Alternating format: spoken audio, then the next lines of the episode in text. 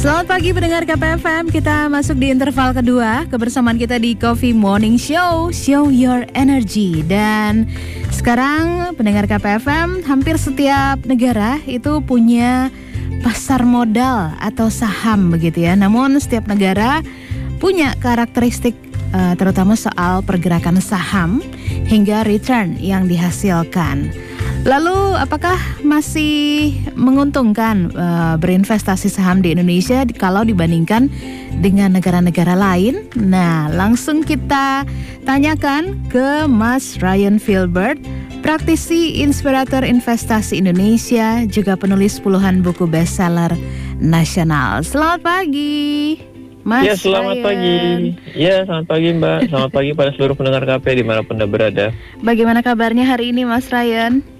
Baik sekali dan kalau hari Rabu saya harus ke Jakarta. Oh, ada waktunya Senin Rabu gitu, Senin Rabu Jumat gitu ya Mas ya. Senin Rabu Jumat ya, karena sudah um, apa namanya sektor esensialnya uh -huh. ada geser sehingga ya uh -huh. kita juga menyesuaikan untuk uh, masuk ke Jakartanya ya seperti itu. Oh, oke. Okay. Tapi masih PPKM juga gitu ya di sana ya? Masih dan memang mm -hmm. sudah diinformasikan kan sampai tanggal 25 ya. 25. Ya. Majunya lima yeah. hari doang ya. yeah. Tapi semoga uh, benar-benar efektif juga seperti di Balikpapan dengan adanya mm -hmm. PPKM ini benar-benar mm -hmm. efektif menurunkan kasus COVID-nya. Iya, saya gitu. kira juga seperti itu ya. Dan mm -mm. kalau saya lihat secara psikologi masyarakatnya udah lumayan lebih jauh ya uh, ketakutannya dan kewaspadaannya gitu karena mm -hmm. uh, di jalanan juga lumayan kosong ya. Nah, waktu di beberapa bulan lalu saya bilang ini Jakarta sudah kembali normal, benar-benar senormal normal. oh, oke. Okay. Jadi udah mulai iya. menggeliat lagi ya, Mas Ryan. Uh, sekarang sih saya hmm. rasa belum ya karena belum orang pada hari ini mungkin agak sedikit beda kalau dibandingkan yang uh, gelombang pertama itu hmm. uh, hari ini secara menurut saya pribadi ya tanpa hmm. saya mendahului statistik yang nanti akan keluar ya yang kali ini ppkm mungkin lebih berdampak dibandingkan secara perekonomian ya dibandingkan uh -uh. yang sebelumnya iya iya karena sangat ketat ya sangat ketat betul mm -hmm. karena uh, kalau uh, pengetatan ini terjadi maka uang beredar itu akan uh, berkurang kalau uang beredar berkurang ya keuntungan buat kita mm -hmm. margin untuk kita akan kembali menurun seperti itu. Oke mm, oke okay, okay. tapi salah satu uh, instrumen investasi adalah bisa juga melakukan saham gitu ya Mas ya di pandemi Membeli saat saham, ini. Iya. Mm. Iya, jadi sebenarnya yang namanya online online online ini sebenarnya yang namanya saham ini bisa dibeli online ini bukannya barang hmm. baru ya. Hmm. Saya ingat banget ketika 2004 saya mulai itu 2004 sebenarnya sudah ada namanya online trading, cuma memang mungkin masih repot karena harus menggunakan laptop. Hmm. Kalau hari ini menjadi terasa gampang dijangkau, semua orang nggak perlu buka laptop, cukup buka handphone saja, dia sudah bisa untuk uh, trading dan fitur pada handphone itu makin hari makin canggih gitu. Artinya ada orang tertentu yang sudah sedemikian cukup jago gitu ya hmm. ya dalam berinvestasi ataupun trading, dia membutuhkan suatu tools-tools tertentu untuk dia mengambil keputusan. Nah, kalau zaman-zaman era BlackBerry itu, hmm. itu tetap tidak bisa menggantikan jadi buat orang-orang yang sudah ingin membaca grafik, membaca laporan keuangan, yeah. dia membuka uh, handphone BlackBerry-nya pada saat itu itu terbatas sekali, cuman hanya fitur beli dan jual. Mm. Nah, kalau hari ini sudah tidak karena sudah banyak fitur-fitur yang uh, semakin hari pun kita kan semakin besar. Jadi secara otomatis kan uh, informasi yang ditampilkan menjadi semakin banyak juga dan semakin lengkap. Akhirnya uh. seperti menyerupai laptop itu sendiri. Jadi yeah. memang benar uh, hari ini membeli saham itu semakin mudah karena online-nya begitu gampang untuk diakses di kantong kita. Hmm, oke okay, oke. Okay. Dan ini juga tidak tidak menuntut uh, apa namanya gedung, ruangan, di mana pun kita berada bisa melakukan ini begitu ya?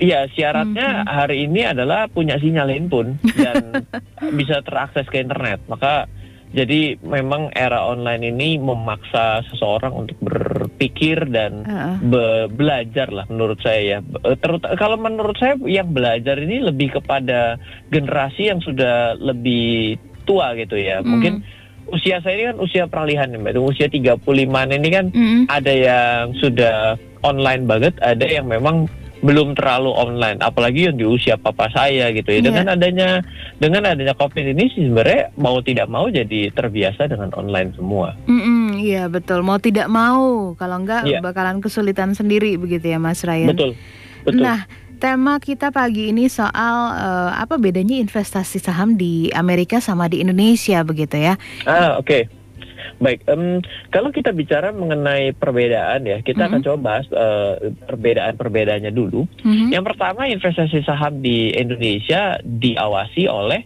ya negara kita, yaitu Betul. di sini Otoritas Jasa Keuangan. OJK.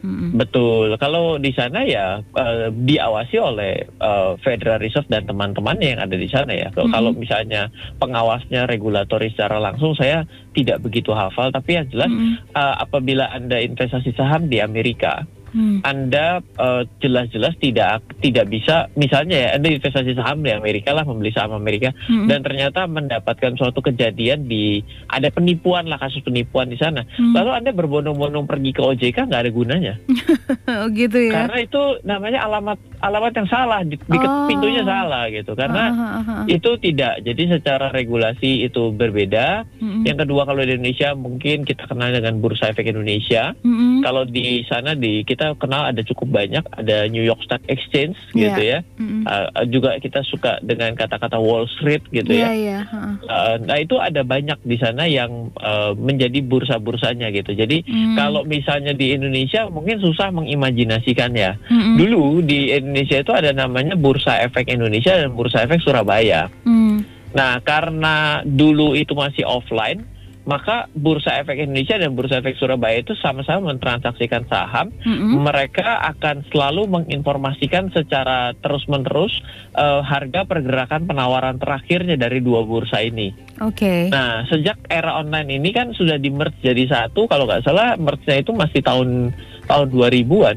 Maka itu tidak lagi menjadi Bursa Efek Bursa Efek Jakarta dan Bursa Efek Surabaya, tapi menjadi Bursa Efek Indonesia. Mm. Makanya kalau ke ke Jakarta ada namanya eh, gedung Bursa Efek. Dulu orang kalau orang lama tuh namanya BEJ gitu ya. Ke, Iya. ke BEJ ya yang ah. ada di daerah deket eh, segitiga emas gitu ya.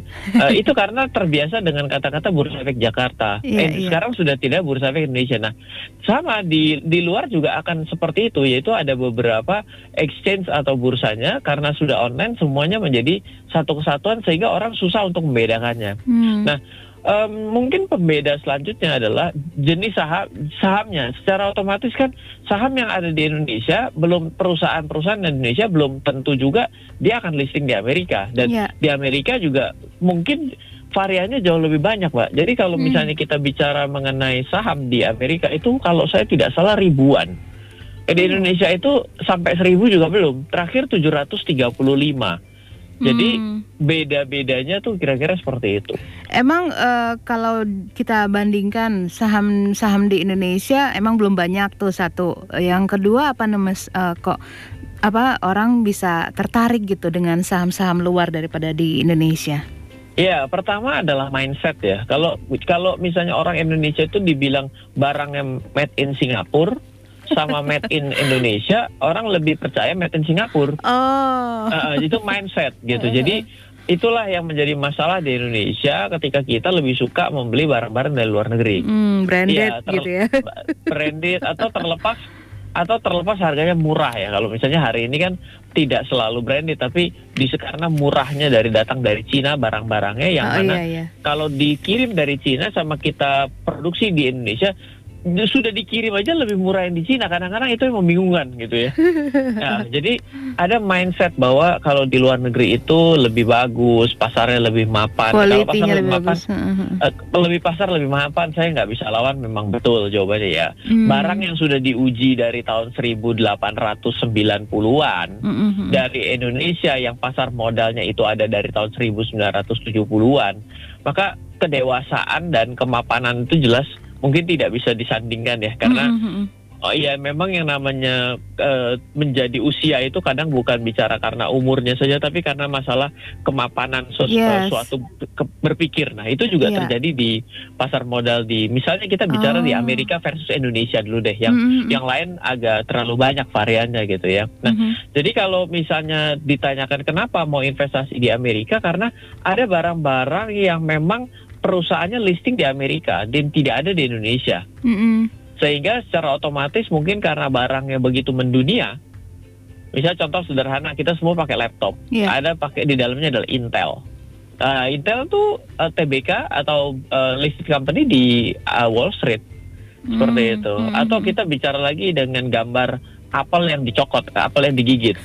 itu ah itu di Amerika juga Apple gitu. Yeah, Ataupun yeah hari ini kita melihat uh, ini eranya online ya. Saya kalau misalnya ngelihat kayak gini online masih 3 4 tahun ini prospek banget ya kalau yang pakai Google Meet sama Zoom. Lah iya, oh. Google adanya di Amerika, Google Al Alphabet Incorporation dan juga mm -hmm. uh, perusahaan Zoom. So, ya jadi seperti itu karena ada pilihan perusahaan yang menurut kita menarik ada di Amerika ya memang betul. Tapi kalau misalnya mindset yang pertama menurut saya bukan masalah itu. Masalahnya itu hmm. adalah orang Indonesia kadang lebih suka untuk membeli barang luar negeri karena hmm. beranggapan bahwa itu lebih bagus. Hmm. Apakah selalu lebih bagus? Saya nggak bisa bilang ya. Pasti adalah uh, case by case. Tapi iya. nggak yeah. selalu seperti itu jawabannya. Oh, oke. Okay. Satu kerugian uh, apa namanya bukan kerugian, ya termasuk kerugian juga ya Mas ya kalau kita nggak bisa uh, komplain kayak tadi Mas Ryan bilang di awal bahwa nggak ada OJK di sana. bukan nggak ada OJK, Anda salah alamat kalau ngomongnya ke OJK di Indonesia gitu. Oke, okay. itu oh. satu kerugian. Tapi ada mm-hmm. kerugian, uh, sebenarnya bukan kerugian, peluang dan mm. resiko kan selalu berbanding lurus ya. Yeah, yeah. Amerika itu juga uh, resikonya yang paling jelas adalah resikonya pasarnya bukannya malam. Ya kan? jamnya beda nih. Yeah. Kita kan orang timur orang barat. Jadi kalau ada 8 jam bukan, lagi ya bedanya ya Mas ya. Uh, iya, kalau Anda di sini jam 9 Anda bisa standby, kalau di Amerika ya mulai dari jam uh, eh, 8 sampai setengah 10 tergantung Anda musimnya musim apa gitu ya. setengah 10 malam loh. Oh. Dan silakan bergadang sampai jam 4 pagi gitu Uduh. ya. Jadi ketika saya pada masa yang lalu belajar market gitu ya. Mm. di tahun 2005an saya juga belajar market Amerika ya. Mm. jadilah Batman benar-benar anda pahlawan malam. Karena malam-malam gitu ya. Nah um, ada peluang dan risiko lain yang mungkin kita harus sadari. Di Amerika itu pasarnya jauh lebih fluktuatif ya. Mm -hmm. contoh sederhana begini um, kita tadi sudah sebut ada sebuah brand namanya adalah Apple. Apple yeah. kan sebuah perusahaan dunia gitu. Mm. Nah, um, kalau kita hit, kalau kita hitung ada namanya market capitalization, artinya adalah harga saham dikalikan seluruh uh, lembar saham dari perusahaan itu. Hmm. Itu namanya adalah market capitalization atau yeah. kapitalisasi pasar di Indonesia. Nah, hmm. kapitalisasi pasar Apple satu perusahaan itu sama dengan kalau di Indonesia kan sama dengan seluruh saham bursa efek Indonesia, hmm. market di jumlah semua, itu baru 50 persen ya. Oke. Okay. Jadi market Indonesia kali dua itu baru sama dengan satu perusahaan di luar negeri. Waduh. nah ini sebenarnya risiko dan peluang. Risiko yeah, dan iya. peluang. Peluangnya adalah bisa imajinasikan pasar modal Amerika tuh gedenya kayak apa Hmm. Karena baru sat, lawan satu aja kita baru udah ngep-ngepan barat ya. ya. Yang kedua, bahayanya akibat itu pasti akan fluktuatif sekali karena saham seperti tiga hari terakhir nih ya, mm-hmm. uh, kalau kita mengikuti pasar Amerika dari hari Senin, yeah. itu pasar saham Amerika itu jebol cepat, kencang sekali, mm-hmm. dan pada perdagangan kemarin itu malah recover. Mm-hmm. Jadi roller coasternya ya itu kencang sekali sehingga kalau orang sebagai pemula datang ke sana itu bisa jantung copot. Sama kayak gitu ya Mas ya? Betul. Jadi oh. selanjutnya adalah di Amerika itu tidak ada kata-kata ada uh, batas bawah. Di Indonesia itu ada ada suatu uh, pembatasan di bursa RP50. Jadi di bawah RP50 itu harganya sudah tidak bisa disetel lagi. Hmm, di Amerika hari ini mau jadi nol ya hari ini monggo di di di, di ini jadi nol ya silakan. gitu. Jadi kemarin terakhir ada satu kejadian namanya perusahaan game uh -uh. karena itu buka-buka di mall gitu ya, uh -huh. ataupun bukanya bukan di mall. Kalau di Indonesia dia bukanya di mall, tapi itu dia buka di jalan-jalan karena akibat pandemi kan dia harus tutup ya. Iya. Yeah. Nah itu namanya GameStop gitu ya. Oh. Itu sudah 0, harga sahamnya di didam terus turun ke bawah. Wow. Jadi kalau di Amerika itu nggak ada namanya pembatasan-pembatasan regulasinya tuh membatasi harga tuh tidak ada gitu. Hmm. Mau naik silahkan to the moon hari ini.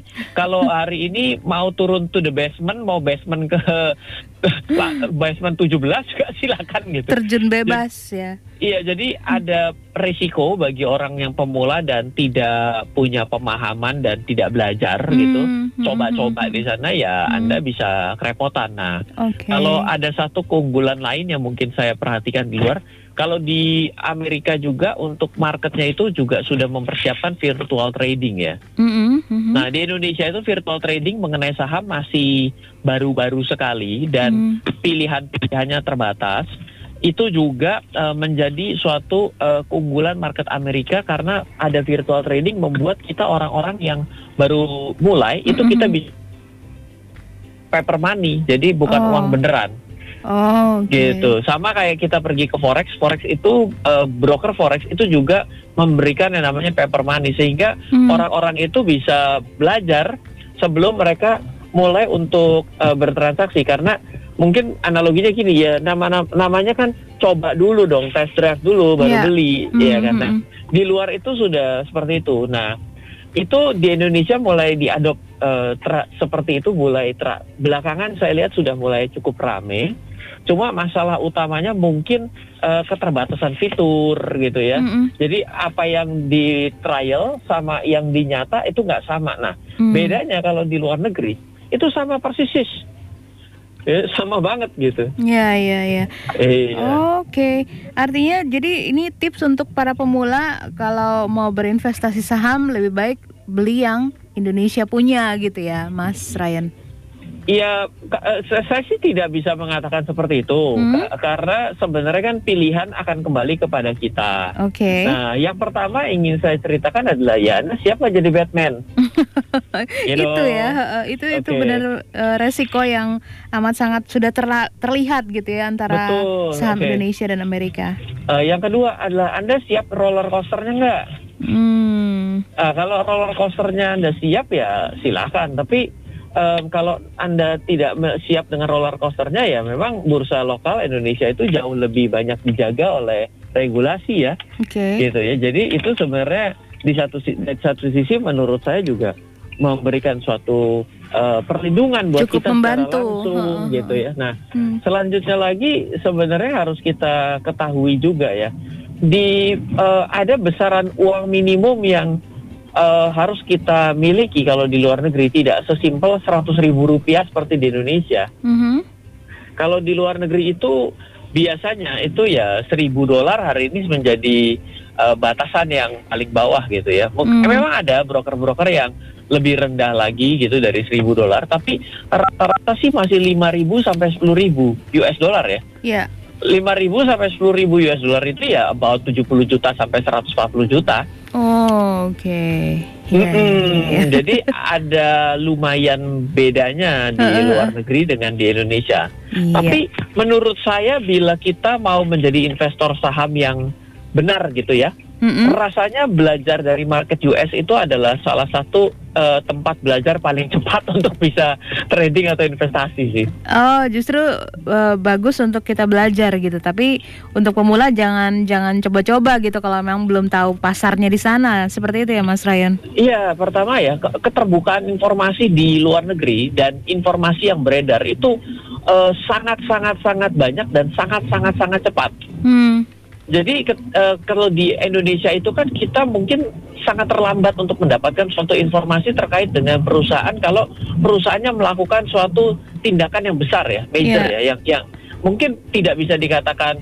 terlambat sekali, tapi tiga hari, dua hari menurut saya it's too late. yeah, kalau yeah, di iya. luar uh, kalau di luar negeri itu uh, ada board khusus yang kita bisa monitoring secara langsung ketika suddenly ada suatu perubahan. Yeah. Itu kita bisa segera tahu. Hmm. Memang kecepatan pelaporan dan transparansi di luar negeri itu menurut saya kita mesti belajar banyak. Kita harus ngaku lah. Kita mesti hmm. belajar banyak mengenai hal ini. Itu juga kalau kita bandingkan dengan market Singapura itu juga itu juga uh, signifikan. Hmm. Jadi kalau contoh gini, mungkin kita meng, uh, susah mengimajinasikan orang awam gitu ya. Apa apa sih maksudnya yang yang besar gini? Kalau uh, direktur perusahaan yeah. yang bekerja di perusahaan tersebut menjual sahamnya, hmm itu menurut saya signifikan. okay. ataupun membeli saham signifikan. Kenapa? Seorang direktur tiba-tiba membeli atau menjual saham itu berarti kan dia adalah orang yang menurut saya yang paling cepat tahu akan perusahaan, betul nggak? Iya, betul. Hmm. Begitu dia beli, berarti kan ada suatu indikasi sebenarnya positif dari perusahaan ini, benar nggak? Iya, iya, Mas. Kalau dijual dan apalagi jual banyak sekali, hmm. lah ini kan adalah suatu indikasi negatif. Nah, iya. iya, kalau di Indonesia ini perusahaan-perusahaan itu baru tiga empat hari kita baru tahu, eh si bos itu jual eh si bos itu beli loh. Lah, oh. tiga empat hari karena kalau dia di Singapura yang saya belajar dari teman saya, itu di boardnya itu dikasih tahu secara langsung. Hmm. Begitu dia sell itu langsung langsung muncul. Oke. Okay. Nah, itu artinya adalah kecepatan informasi untuk kita mendapatkan suatu transaksi kan yang namanya transaksi sama transaksi yang cepat ya. Iya iya iya. Nah, transaksi yang cepat itu kan tentunya dibutuhkan suatu informasi yang cepat. Betul. Agar kita juga bisa mengambil suatu keputusan yang signifikan. Yes. Nah itu hmm. di Indonesia masih lumayan karena mungkin menganut aliran alon-alon asal kelakuan. Pelan-pelan dulu ya. Informasinya yang mana nih yang mau kita keluarkan? Wah, kalau oh. itu menurut saya jadi tidak transparan. Banyak pertimbangan. Eh, bukan artinya mengkritik, tapi kita uh -uh. harus belajar dari yang lebih mapan dari kita. Rasanya kan yes, harus harus fair ya. Saya juga orang yang mendukung pertumbuhan pasar modal di Indonesia. Tapi kalau yeah. ditanya kurangnya apa, kita juga harus bisa dengan Ada. Uh, senang hati menyatakan mm -hmm. apa kurangnya. Harus Dan legowo tinggal kita, ya, ya. Tinggal kita pikirkan apa yang mau kita lakukan dari kekurangan itu betul nggak? Ya, setuju. Iya, seperti itu. Oke, okay, keren banget. Jadi tips-tipsnya untuk uh, perbedaan-perbedaan antara berinvestasi saham di Amerika dan di Indonesia. Tetaplah yeah. yang terbaik terbaik adalah cinta produk dalam negeri ya nggak sih, Mas Ryan? Iya banyak banyak perusahaan di Indonesia itu hmm. yang sebenarnya tanda kutip salah harga ya artinya hmm. dia kenapa terlalu murah harga segitu gitu ya hmm. itu tidak tidak banyak artinya banyak sekali tapi ya puluhan tuh ada gitu artinya kalau kita melihat lima tahun atau sepuluh tahun atau lima belas tahun sebenarnya prospeknya secara dasar itu terlihat bahwa itu memang suatu hal ya investasi yang bagus lah seperti itu. Jadi ya, oh. ya saya setuju kok. Ya, pada akhirnya belajar ya paling enak dengan jam yang benar bukan dengan jamnya Batman. Ya kan? yang kedua juga uh -huh. Indonesia juga artinya anda berinvestasi di negara sendiri itu bagus karena uh, Indonesia itu kekurangan investor mbak. Oh iya. Iya, iya makanya kenapa kenapa di pemerintah ini sulit sekali akhirnya harus mencari investor dalam negeri karena orang lokalnya itu jarang mau investasi sendiri di negara sendiri. Hmm. Gitu. Nah, hmm. itu diperlukan peran serta masyarakat sebenarnya kalau misalnya mau melihat negara yang menjadi lebih bagus ya. ya. Tanamlah modal di negara sendiri. Betul. Kalau enggak negara asing yang investasi di negara kita ya hmm. akhirnya Anda akan tahu pasti akan ada trade off kenapa? No freelance, enggak ada makan siang gratis. Iya, iya, iya. Ketika ya. seketika luar negeri investasi di negara kita, masuk ke dalam perusahaan-perusahaan, mereka bisa mengambil suatu kebijakan yang bisa menguntungkan negaranya dia loh. Oh, Contoh iya, iya. sederhana misalnya, ini ada sebuah marketplace diinvest besar-besar oleh luar negeri. Oh kita sangat bangga loh. Oh marketplace ini loh hmm. triliunan triliunan loh nilainya diinvest luar negeri. Iya kita bangga kelihatan itu jadi mewah di negara kita. Hmm. Tapi sebenarnya dia yang invest tuh bilang gini, saya invest di tempat kamu ya. Tapi untuk pengiriman barang dari negara A hmm. itu kamu harus lebih cepat prosesnya. Hmm. Nah, efek-efeknya adalah barang dari luar negeri datang melalui marketplace itu dengan lebih cepat untuk sampai ke Indonesia secara rantainya membuat akhirnya barangnya menjadi harganya jadi bersaing dengan produk lokal. Hmm. Nah, nah itu yang menjadi suatu obstacle ya, suatu uh, yang perlu kita perhatikan dan hmm. bisa jadi juga kebijakan-kebijakan yang lain hmm. yang akhirnya bisa merugikan kita. Nah itu yang perlu kita perhatikan. Makanya please kalau misalnya menjadi investor pemula dan agar dilindungi oleh regulator, hmm. jangan nanti anda rugi di di Singapura anda minta ke Pak OJK nggak bisa. ya lebih baik anda investasi di dalam negeri dulu. Yes. Gitu. baik, makasih Mas Ryan untuk info dan tips-tipsnya pagi ini luar biasa. Ya. Uh, sukses untuk aktivitasnya Mas Sama-sama. Ryan. Thank ya, you. Okay, Selamat thank pagi you. Mas ya. Ryan. You. Itulah tadi pendengar KPFM kebersamaan Shirley bersama Mas Ryan Filbert, seorang praktisi inspirator investasi Indonesia, juga penulis puluhan buku bestseller nasional. Morning Show, show your energy. 954 KPFM.